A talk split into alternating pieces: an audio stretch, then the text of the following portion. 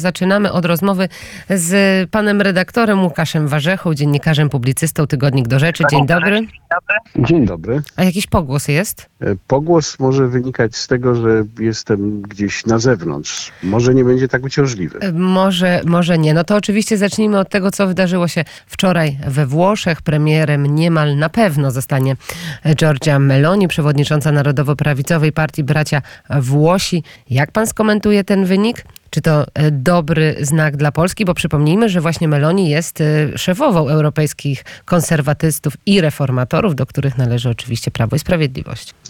Jak zwykle powiedziałbym, że nie należy się przesadnie spieszyć z wnioskami. To znaczy, trudno powiedzieć, czy to jest początek jakiejś większej fali zmian w Unii Europejskiej i pewnie też nie we wszystkich państwach, bo przecież polityka jest inna w każdym z nich. No i też poczekałbym na to, jaką konkretnie politykę w interesujących nas sprawach będzie pani Meloni deklarować, gdzie będzie można z nią zawierać ewentualnie sojusz, no i czy pomysł na taki sojusz będzie miał rząd Prawa i Sprawiedliwości. Natomiast na pewno parę rzeczy można powiedzieć. To znaczy, ważne jest to, że pani Meloni, która nie próbowała owijać w bawełnę, jeżeli chodzi o to, jaki jest jej pogląd na obecną politykę Unii Europejskiej, która bardzo mocno podkreślała konserwatywne wartości w trakcie kampanii wyborczej, te wybory wygrała. No, czyli to oznacza, że jakiś ruch w przeciwną stronę niż zwykle we Włoszech się jednak zdarzył. Druga sprawa to no, swego rodzaju histeria, którą widzimy między innymi w Polsce, gdzie już zaczyna się opowieść o tym, że skrajna nacjonalistka, anty, antyunijnie nastawiona, wygrała wybory.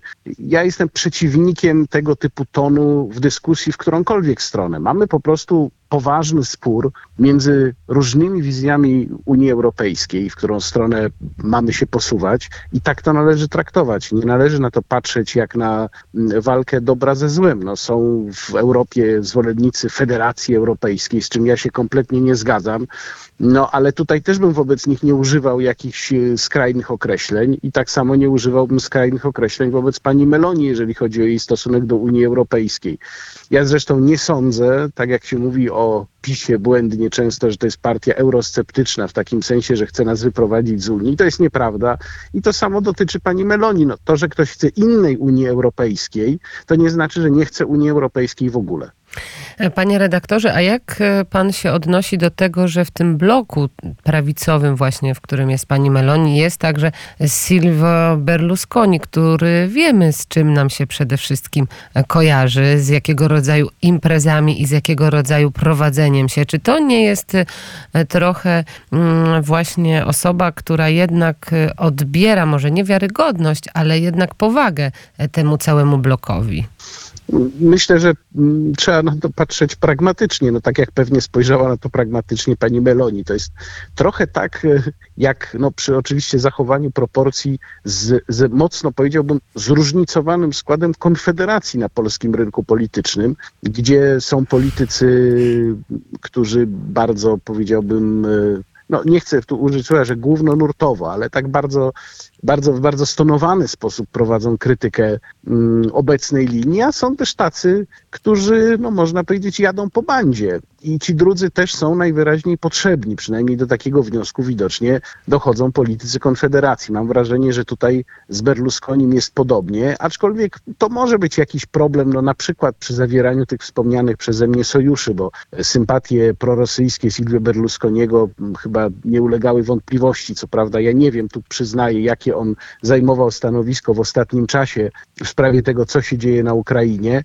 Natomiast rzeczywiście z punktu widzenia takiej bardzo nakręconej emocjonalnie debaty w Polsce na ten temat, co też zresztą właśnie odbiera nam pole manewru w różnych sprawach, to warto zauważyć, no to rzeczywiście może być problem. Ale ja bym to na razie traktował jako bardzo pragmatyczne podejście pani Meloni do kwestii wyborczych. Po prostu Berlusconi ma swoich wyborców, ma swoich sympatyków i najwyraźniej no, uznano, że oni się przydadzą w tej grupie wyborców. Natomiast tak naprawdę przecież decydujące będzie to, jaki będzie jego głos w nowym rządzie i czy on w ogóle będzie miał coś do powiedzenia, czy będzie tylko takim figurantem. No i też nie zapominajmy, że to jest polityk, który ma już swoje lata, mimo że tam stara się swój wygląd poprawiać na wszystkie możliwe sposoby, ale no, kalendarza się jednak nie da oszukać. E, To jeszcze zapytam pana redaktora, kończąc oczywiście wątek ten związany e, z wyborami we Włoszech. E, To, co powiedziała, tak jak pan wcześniej w sumie wspomniał, mm, jeżeli chodzi o nastawienie i kierunek, który wybierze rząd włoski, raczej chyba nie mamy wątpliwości, ale to, co powiedziała w czwartek szefowa Komisji Europejskiej Ursula von der Leyen, to jest chyba bardzo niebezpieczne. Podczas debaty w Princeton mówiła o tym, że wśród kandydatów są politycy bliscy, w cudzysłowie oczywiście bliscy Władimira Putina i zobaczymy, jak wynik głosowania we Włoszech mm, będzie się odbywał. Jeżeli sprawy pójdą w trudnym kierunku, eufemistyczne jest dosyć słowo, mamy narzędzia jak w przypadku Polski i Węgier. Myślę, że to jest chyba bardzo niebezpieczny precedens, do którego posunęła się wy, wysoka komisarz Unii Europejskiej. Y, Tak, ta wypowiedź była dosyć szeroko komentowana, no i chyba warto ją faktycznie przypominać w kontekście wyniku wyborów we Włoszech, bo z niej by wynikało, że Komisja Europejska, czy też być może, nie wiem, jednoosobowo pani von der Leyen po prostu chce wpływać konkretnie na wynik wyborów w poszczególnych krajach, jeżeli one nie spełniają jej oczekiwań. Tutaj w ogóle jest ciekawa rzecz, bo to nie jest pierwszy raz, kiedy pani przewodnicząca von der Leyen mówi coś, co wydawałoby się nie powinno paść publicznie. Jej się to już wcześniej zdarzało, no i wtedy wszyscy zachodzili w głowę, skąd taka szczerość. Ja A no taka odnosić- debata na uniwersytecie, pewnie pani, Tak. pani No więc- Urszula się nie spodziewała tego. Ja- zaczynam odnosić wrażenie, że Ursula von der Leyen należy do tych y, polityków, którzy po prostu nie są w stanie w pełni się kontrolować we wszystkich sytuacjach i stąd jej się czasem zdarza powiedzieć po prostu o parę słów za dużo. Po prostu to, co myśli może naprawdę. No rzeczywiście ta wypowiedź y, z punktu widzenia nawet taktyki politycznej jej obozu była bardzo nieszczęśliwa, no bo stanowi punkt zaczepienia do e, poważnej krytyki tego stanowiska. No, tylko, że widzimy, jak ta polityka ma wyglądać, polityka obozu pani von der Leyen. To znaczy, no, to jest trochę jak kiedyś z produkcją Fordów i dostępnymi kolorami, prawda, że można mieć Forda T w każdym kolorze pod warunkiem, że jest to kolor czarny. No to tutaj tak samo. Wybierajcie sobie demokratycznie dowolnych polityków pod warunkiem, że to są politycy, którzy nam odpowiadają. E, Zobaczymy, jakie teraz działania będzie podejmowała Komisja Europejska względem Włoch. I myślę, że tutaj też bardzo warto się przyglądać temu, jak będzie przebiegała sprawa Węgier, E, bo jednak ten, ten rozbrat, który z powodu Ukrainy został wzięty pomiędzy Warszawą a Węgrami, moim zdaniem nierozsądny i niepotrzebnie znów podbudowany taką bardzo jednak niemądrą emocją, mm, spowodował, że na razie nie wiadomo do jakiego stopnia mm, Polska będzie mogła udzielić Węgrom politycznego wsparcia. Przypomnę, Węgry są e, w trakcie mm, procedury pieniądze za praworządność. No a to jest po prostu wspólna sprawa. Oczywiście są interesy, które dzielą. To jest jak, jak zawsze w polityce. I są interesy, które są wspólne. Mam wrażenie, że w tym wypadku interesy polskie, węgierskie, ewentualnie włoskie, jeżeli chodzi o wywieranie presji, e, żeby kraje Unii szły w jedynie dozwolonym kierunku, że to akurat jest bardzo ważny wspólny interes. Panie redaktorze, w najnowszym tygodniku do rzeczy pisze pan o węglu, pisze pan o energetyce. Operacja Zima, brak węgla i drogi e, gaz. To między innymi jest pokłosie decyzji czteromiesięcznej różnicy pomiędzy embargiem na węgiel z Rosji, które wprowadziło w połowie kwietnia Polska i e, Unia Europejska. Ale mam pytanie związane też z energetyką, bo e, płyną do nas przynajmniej e, dzisiaj takie informacje. Iryna Wereszczuk, wicepremier Ukrainy, zapewnia i mówi do Polaków, żebyśmy się nie bali, że mm, przygotowane są już wagony, że 100 tysięcy ton węgla popłynie, a także Chmielnicka elektrownia jądrowa również przygotowuje się do eksportu energii do Polski. Czy dla nas teraz drogą czy, y, czy kierunkiem, gdzie my mamy szukać dywersyfikacji, jest y, Ukraina, gdzie odbywa się wojna i gdzie sytuacja jest bardzo niestabilna i takie zapewnienia, czy to jest, y, czy to jest poważne w ogóle, że my możemy opierać swoją energetykę na tym, co mówią przedstawiciele władz Ukrainy?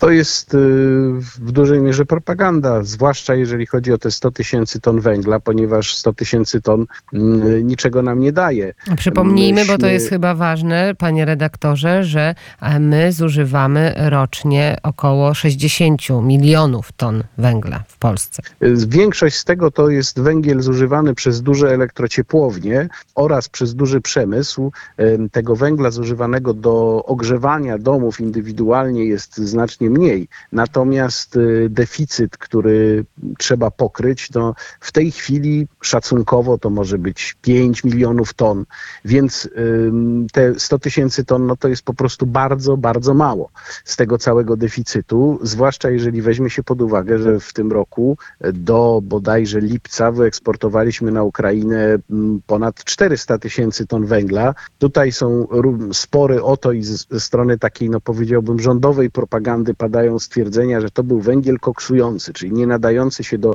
ogrzewania, nadający się wyłącznie do przemysłu metalurgicznego. No ale ja znalazłem informację, że jednak nie, że to był węgiel energetyczny, czyli właśnie ten używany w elektrociepłowniach, czy też używany do ogrzewania domów indywidualnie. No to teraz w tym kontekście te 100 tysięcy ton węgla, które ma do nas trafić z powrotem przecież nie darmo, no to jest jednak trochę śmiech na sali. Jeżeli chodzi o energetykę w sensie prądu, no to tutaj dobrze, jeżeli mamy jakieś źródło rezerwowe, bo z tym również niestety możemy mieć problem właśnie z produkcją prądu. Natomiast trudno mi sobie wyobrazić, żeby to wystarczyło. E, I tutaj pewnie cała Europa będzie miała problem. Myśmy mieli taką sytuację przecież parę dni temu, bodajże w piątek, kiedy mm, było już ogłoszenie polskich sieci ener- elektroenergetycznych, że e, został, został niewypełniony obowiązkowy poziom e, rezerw mocy wynoszący 9%. To nie skończyło się na szczęście blackoutem, ale to oznacza, że po prostu nie mieliśmy przez ileś godzin zabezpieczenia w kraju na wypadek zwiększenia poboru energii. No to, to jest bardzo alarmująca sytuacja.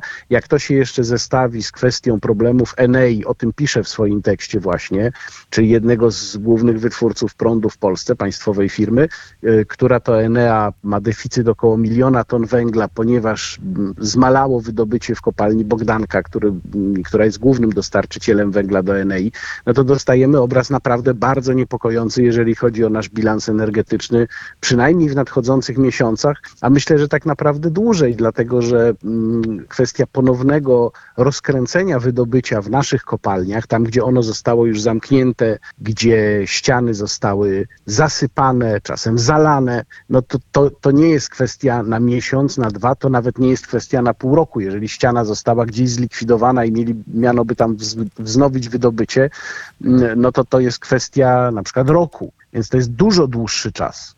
Bardzo dziękuję za ten głos i oczywiście zachęcamy Państwa do przeczytania całego artykułu redaktora mm, Łukasza Warzechy w najnowszym tygodniku. Do rzeczy bardzo dziękuję panie redaktorze za rozmowę. Dziękuję bardzo, dobrego dnia wszystkim.